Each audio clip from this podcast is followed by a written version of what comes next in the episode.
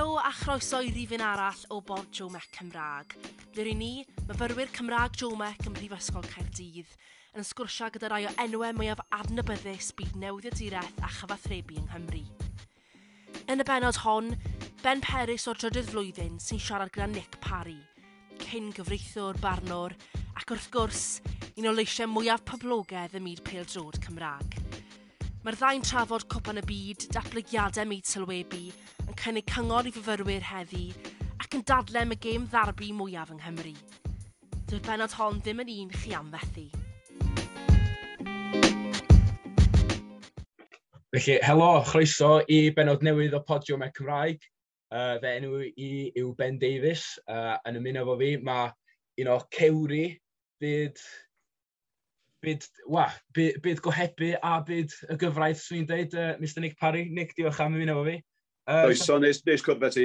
Diolch, diolch. Sa chi jyst gallu deitha ar y grandawyr i gychwyn, jyst bach am pwyta chi a beth ydych chi'n neud? Reit, dwi yn um, gyn gyfreithiwr ath o'r National League cyfreithiol i'r Premier League a mynd yn farnwr. Ond ers 1977 coelyn ei beidio, dwi hefyd wedi bod yn darlledu unau ar pop, a roc fel oedd hi yn y 70au a'r 80au ac ar bel droed a Radio Cymru a wedyn S4C. Wedyn dyna um, fy mywyd cydd i, ond bod wrth gwrs ddim yn gyr. Uh, sut da chi'n teimlo mae'r diwydiad new, wedi newid yn yr 35-40 mlynedd ers i chi uh, ers i gychwyn? Do, ni'n yn dall bod y cwestiynau yma yn mynd i fod yn rhai oedd angen tair awr a chwarter i wateb. Mae wedi newid mae wedi newid yn anhygoel. I fi gael rhoi syniad am bel droed, a hynny yw, oeddwn ni yn y 70au efo'r rhaglen chwaraeon Gymraeg am 10 munud cyn 6 o gloch. That was it. A wedyn yn ganol y 70au, tua diwedd y 70au, fel ar i Radio Cymru gael ei sefydlu yn sydyn, oedd yna bedair awr o raglen fyw drwy pnawn, fel oedd gan bob un sianel a iaith arall, a mi wnaethon ni gychwyn hynny. Wedyn, wrth gwrs, dyna ddim sianel deledu Gymraeg fel y cyfryw. Gath honno i sefydlu 1982, wall-to-wall -wall Cymraeg os ydych chi eisiau fo. A wedyn oedd isio sylwebydd ar hwnna, ar ni ddangos gêm fyw efo sylwebeth yn Gymraeg am y tro cyntaf erioed, hynny ar gychwyn yr 80au, ac dros y degawdau wrth gwrs, mae'r peth di dod yn rhywbeth da ni'n dderbyn fel rhywbeth hollol naturiol, a mae'n meddwl am beidio cael Radio Cymru drwy'r dydd ac esbyddaeth drwy'r nos yn rhyfedd. Ond fel na o fi, efo camau bach iawn nath ni gychwyn, o safbwynt y dechnoleg, mae'r byd i newid yn rhyfeddol. Ac wrth gwrs, dim ond un agwedd fach o ddarlledu rwan ydy be dwi'n neud, sef sylwebu. Mae'r gwefannau cymdeithasol a'r cyfathrebu beder awr ar hugen. Um, pawb a'i gamera, pawb yn ffilmio, pawb yn gallu gadw sylwadau, mae, mae wedi bod yn chwildro mewn gwirionedd. Athoch chi, athoch chi sôn bach am uh, eich gyrfa uh, yn y gyfraith.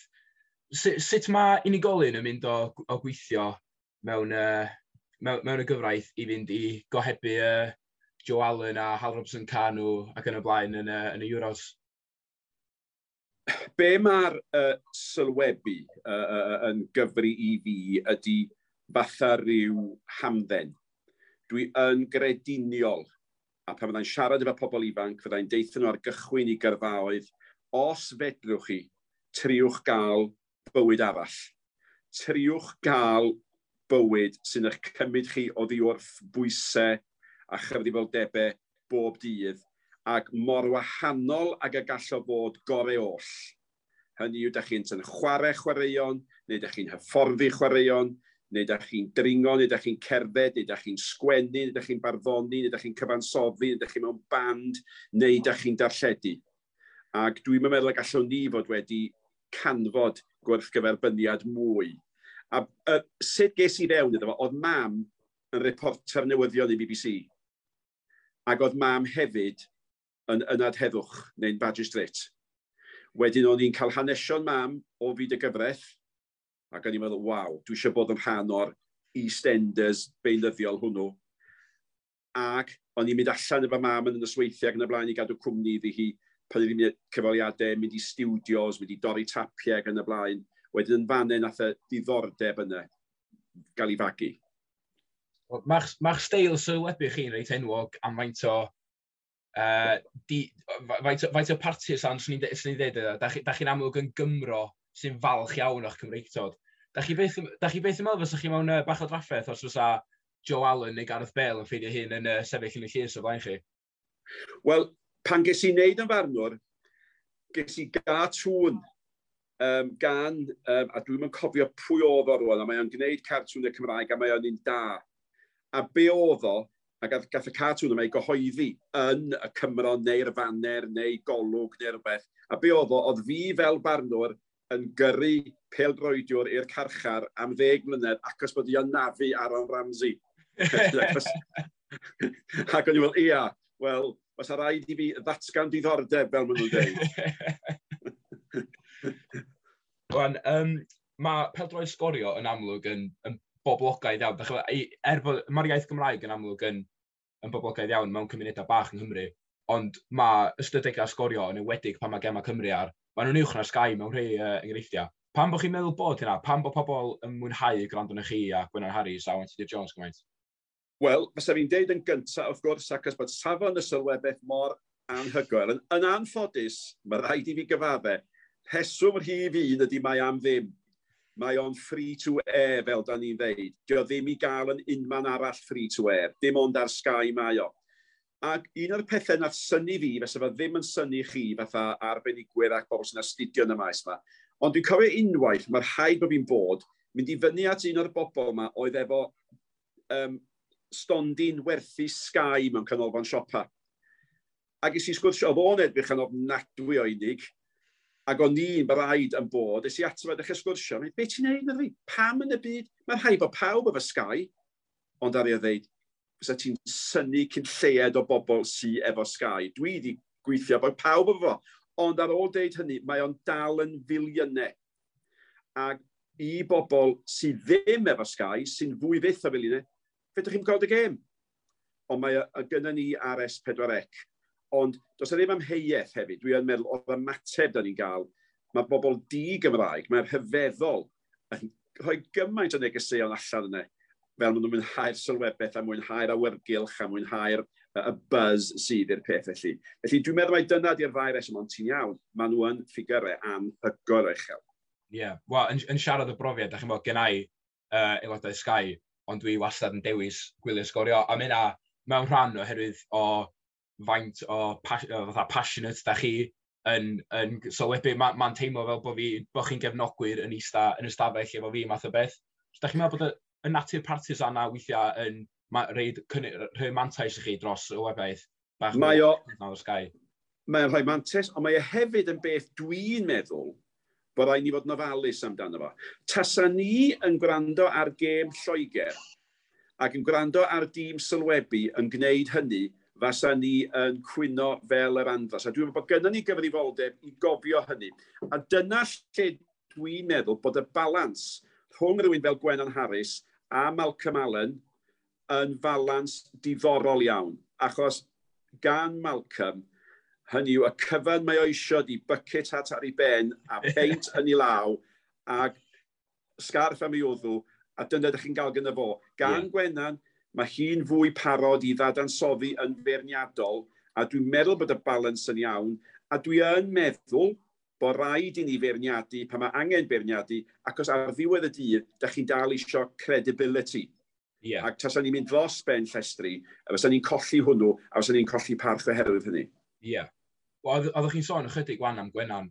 Um, yn amlwg, da chi a chi heb rhannu cae efo rei o chwaraewyr Cymru, ond da chi'n sbio ar pobl fel uh, Owen Tudor Jones sy'n amlwg efo perthynas agos iawn efo Joe Allen a Malcolm Allen sy'n sy wedi chwarae ar y lefel uchaf. Da chi'n meddwl bod o'n anoddach i nhw cynnig rhagfarniad teg ar chwaraewyr Cymru oherwydd o'i profiadau? Heb amheuaeth. A mae rhaid i ni fagu hynny a bod yn faddeigar am hynny. A mae Owain yn mynd drwy'r cyfnod rwan, a mi oedd Malcolm yn mynd drwy'r cyfnod yma o'i flaen o, a mi oedd Dai Davies yn mynd drwy'r cyfnod cyn hynny. Ond maen nhw yn cynnig rhywbeth arbennig arall ac yn ara bach fel mae'r blynydde mynd heibio, a mi fydd o Wain Tudur Jones yn 15 cyn bo hir, wedyn pan fydd y blynydde mynd yn heibio a fydd o'n dechrau pidio nabod y chwaraewyr, eitha fod yn naturiol i fod yn fwy berniadol. Ond mae yn gymaint o aset cael rhywun sydd wedi chwarae yn ddiweddar. Ac mae'r gêm yn newid gymaint, mae tactegau newid gymaint, a mae rhywun sydd wedi bod yn chwarae yn ddiweddar yn gweld rhywbeth lot cynt na rhywun falle oedd yn pro llawer iawn o flynydde nôl. A dwi'n teimlo, wel, sa ddim am amhyr, fysa ni methu gwneud y gwaith heb o wain y Gwennon a Malcolm. Mae angen nhw i, i, i, i roi'r esboniad i fi gymaint ag i'r gwrandawyr. Wan, yn amlwg, da chi'n gyfreithiwr, da chi'n farnwr, da chi'n sylwebwr. Mae'r ma, r, ma r dau fyd na yn, mewn ffordd yn dod at ei gilydd wan efo Cwpan y Byd y gytardri, yn amlwg efo'r holl scandals a controversies Uh, ydych chi'n cytuno fo'r penderfyniad i, i, i gynnal cwpan y byd yn uh, yna? Mae gyda chi hawl gofyn y cwestiwn yna. Mae o'n gwestiwn ddyle gael ei ofyn a dwi o'n i'n wrthwynebus ofnadwy. Um, a sut gafodd y wlad yr, um, y, y, y, y cynnig, wel, ni yn gwybod, ond dwi'n meddwl bod o'n warth.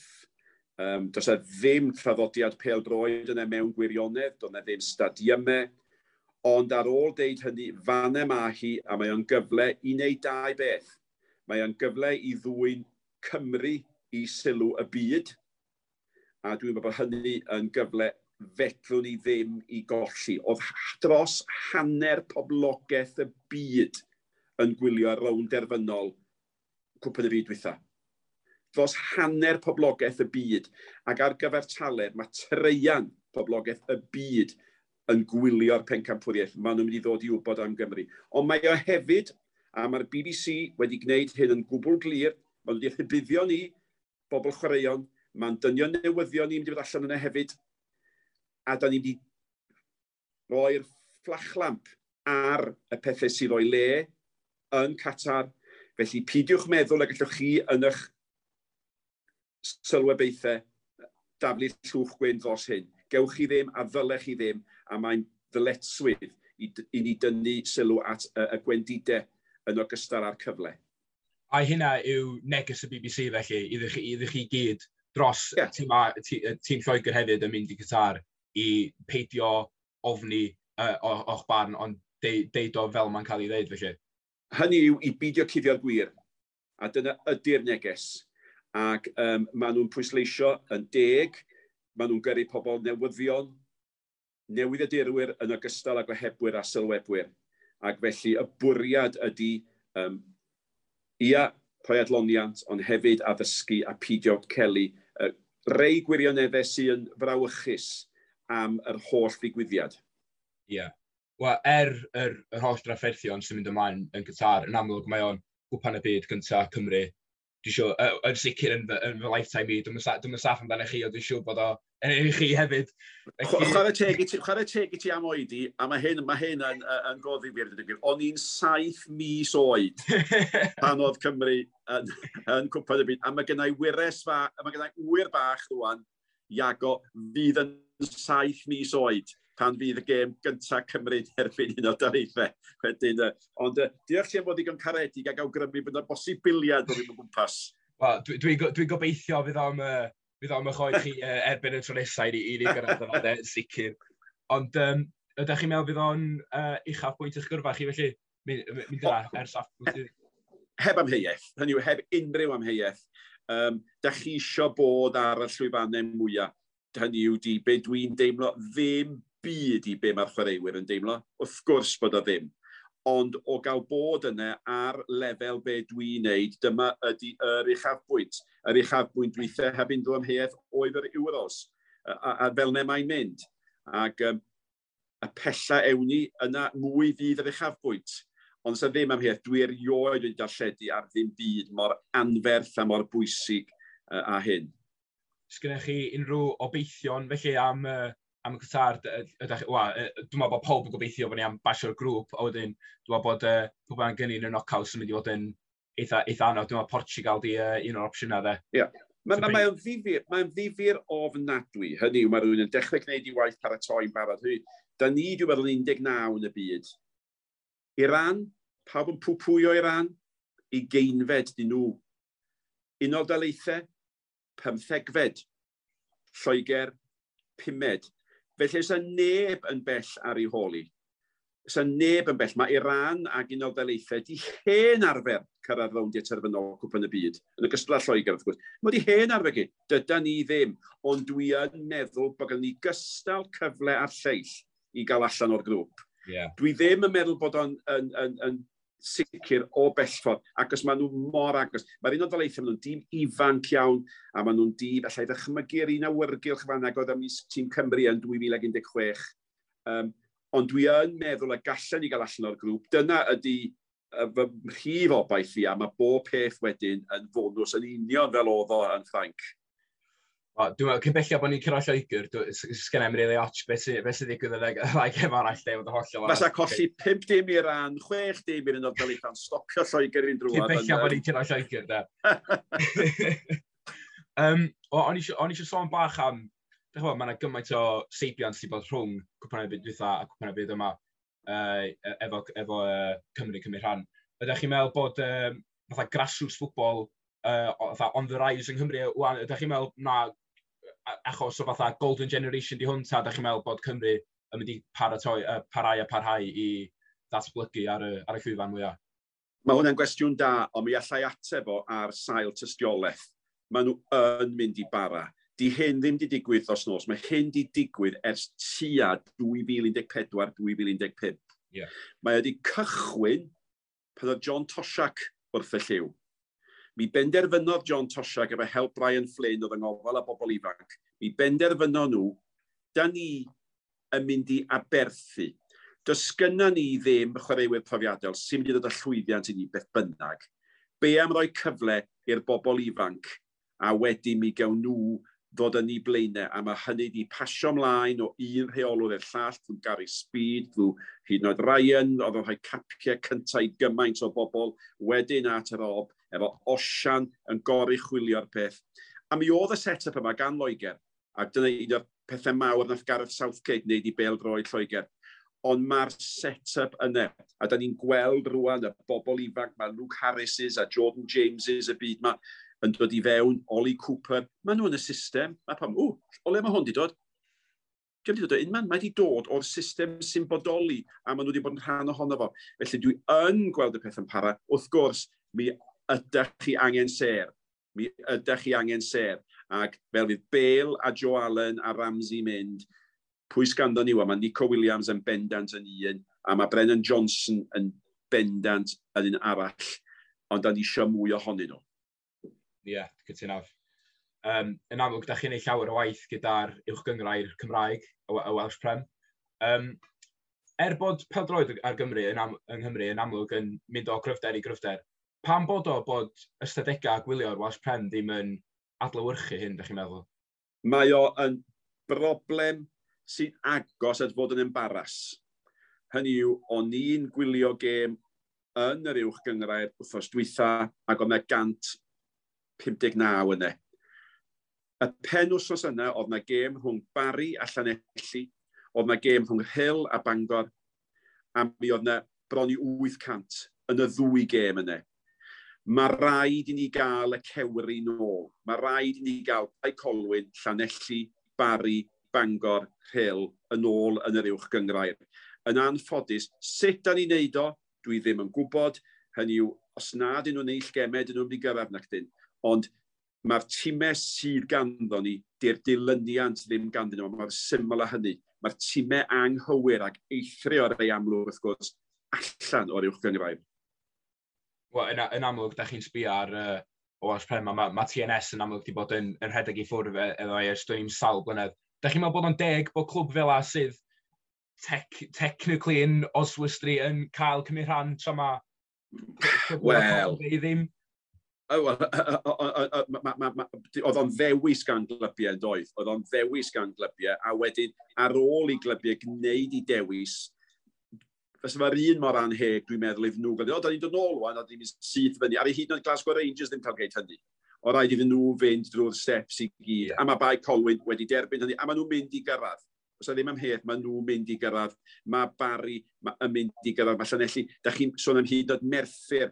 Tasa nhw i gyd yn y cyngor cenedlaethol, dwi wedyn ddim yn meddwl os ti yn gofyn y cwestiwn am y torfeidd, ond ar hyn o bryd mae o yn embaras a mae'r sylw maen nhw'n gael um, ar y, y, y cyfryngau, uh, y sylw ar y cyfryngau cymdeithasol, bob i'n gol yn cael ei ddangos, bob i'n digwyddiad, mae gemau byw ac yn y blaen, di hynny ddim yn adlewyrchu um, cyngrair sy'n ffynnu, ac os na'n ffodus, dydy ddim ar hyn o bryd.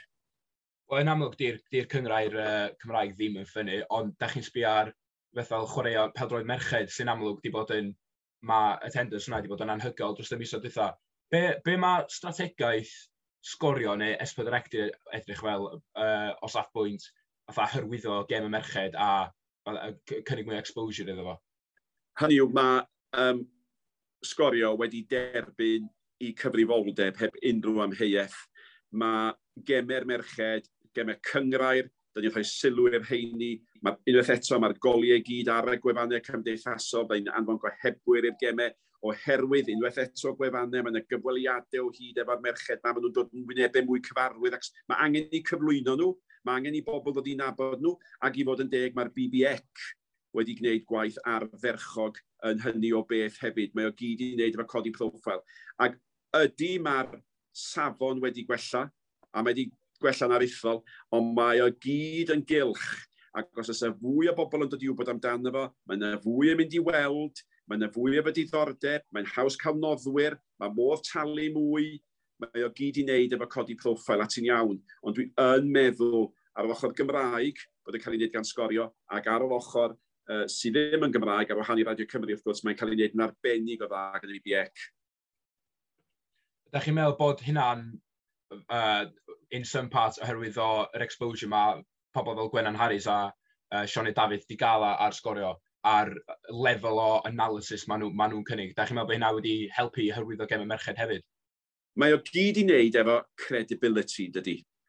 Ac hynny yw, dyna be oedd uh, y feirniadaeth am bel roedd y merched ddim mor bell yn ôl oedd bod y safon ddim yn rhywbeth allwch chi gredu yna fo. Wedi mae hwnnw'n gwella, wedi y peth gweithaf ydych chi'n neud ydy dweud, o, oh, nhw'n i roi merched ymlaen. Mae rhaid i'r merched fod yn dda. Mae rhaid nhw'n gyslar dynion. Mae nhw yna ac bod nhw'n dda, dyn nhw'n yna ac bod nhw'n ferched.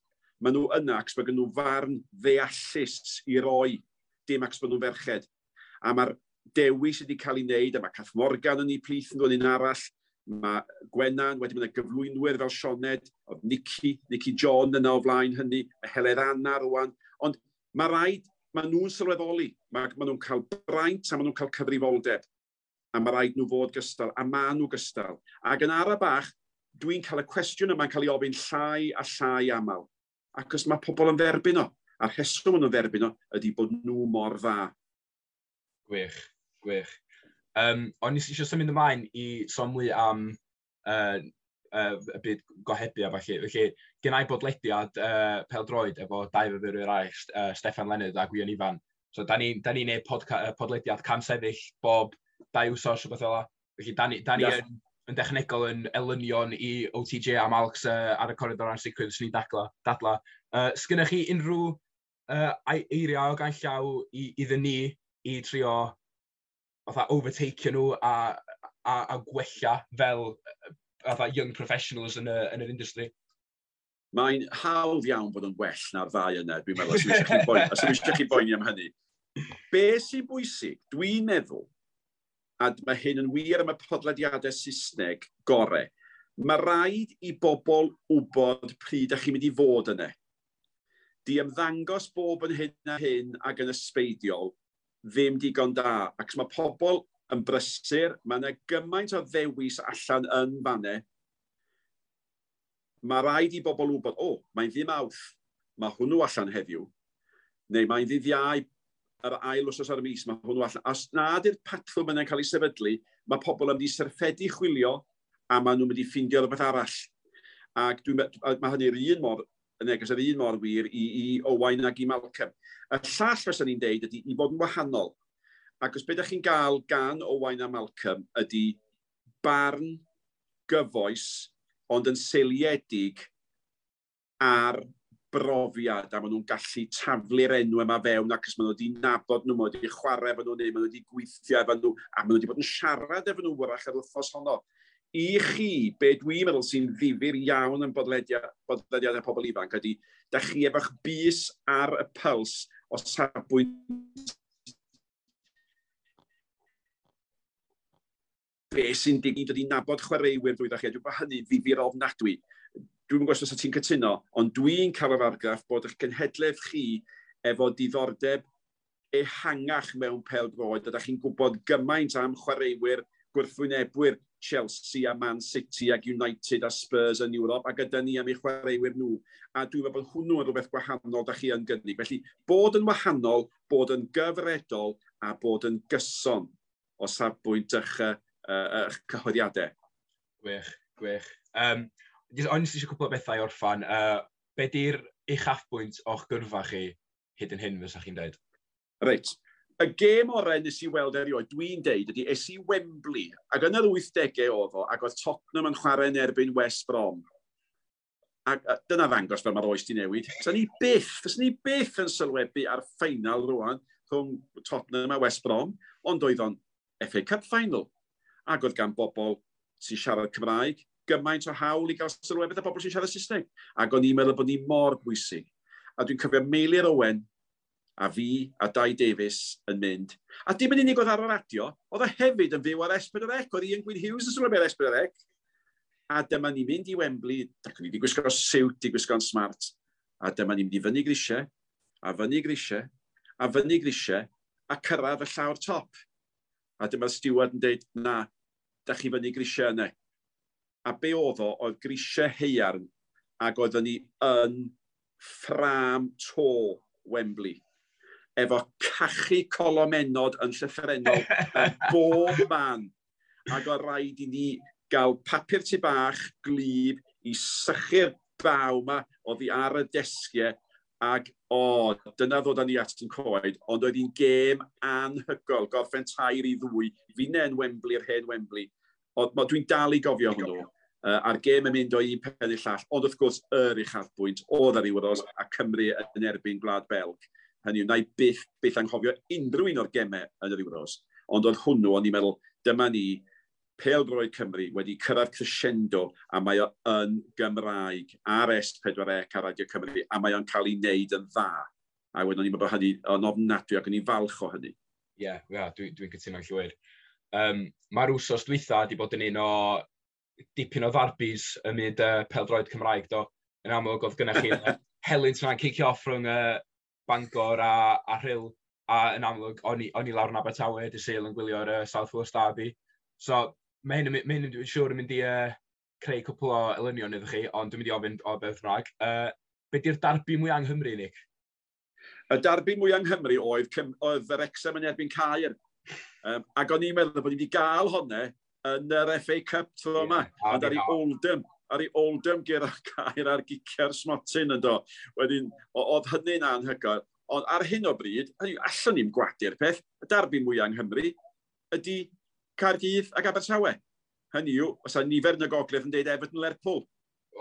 Swn i'n dadla Bangor y Carfon fy hyn, de. Ia, wel, mi nes i, mi nes i roi'r geiriau rhag arweinol ar hyn o bryd. Ie, ie. Ond triwch chi ddeud hynny wrth gefnogwyr Bangor ar hyl, bobl bach. O'n i'n coelio be ni'n weld. A dyna, dyna, fe nôl at yna cwestiynau cyntaf nes ti ofyn, be sydd wedi newid yn y byd um, yn y byd arlledi os em eisiau ddarlledwyr swyddogol na gwis, oedd y ddarlledwr answyddogol fanna efo'i ffôn, a mae o wedi cael lluniau, a wedi dod â lluniau, fas ni heb gael fel arall, a dwi'n gwybod, dwi wedi gweld negeseuon gan bapurau newydd yn gofyn gau brynu y lluniau'r rhain i gen ti, gau ddangos nhw yn yn cylchgrawn ni a rhoi credit i ti. Mae pawb, mae pawb yn ddarlledwr. Gwych. Wel, mae wedi bod yn ffantastig siarad i chi, Nick. Uh, diolch am y, am y geiriau gyngor a diolch am ymuno fi fyd. Uh, Cleisio Calon, a dwi, dwi, dwi, dwi, na, dwi'n teimlo reit gobeithiol yn cwrdd â ti ac yn gwybod beth sy'n mynd ymlaen efo, efo chi bobl ifanc. Uh, Rhi fath a dwi'n meddwl bod pel droed yma i aros yn llwyddiannus, dwi'n meddwl bod darlledu hefyd oherwydd y to newydd yma i aros uh, yn llwyddiannus a pob lwc i ti. Diolch yn fawr, diolch.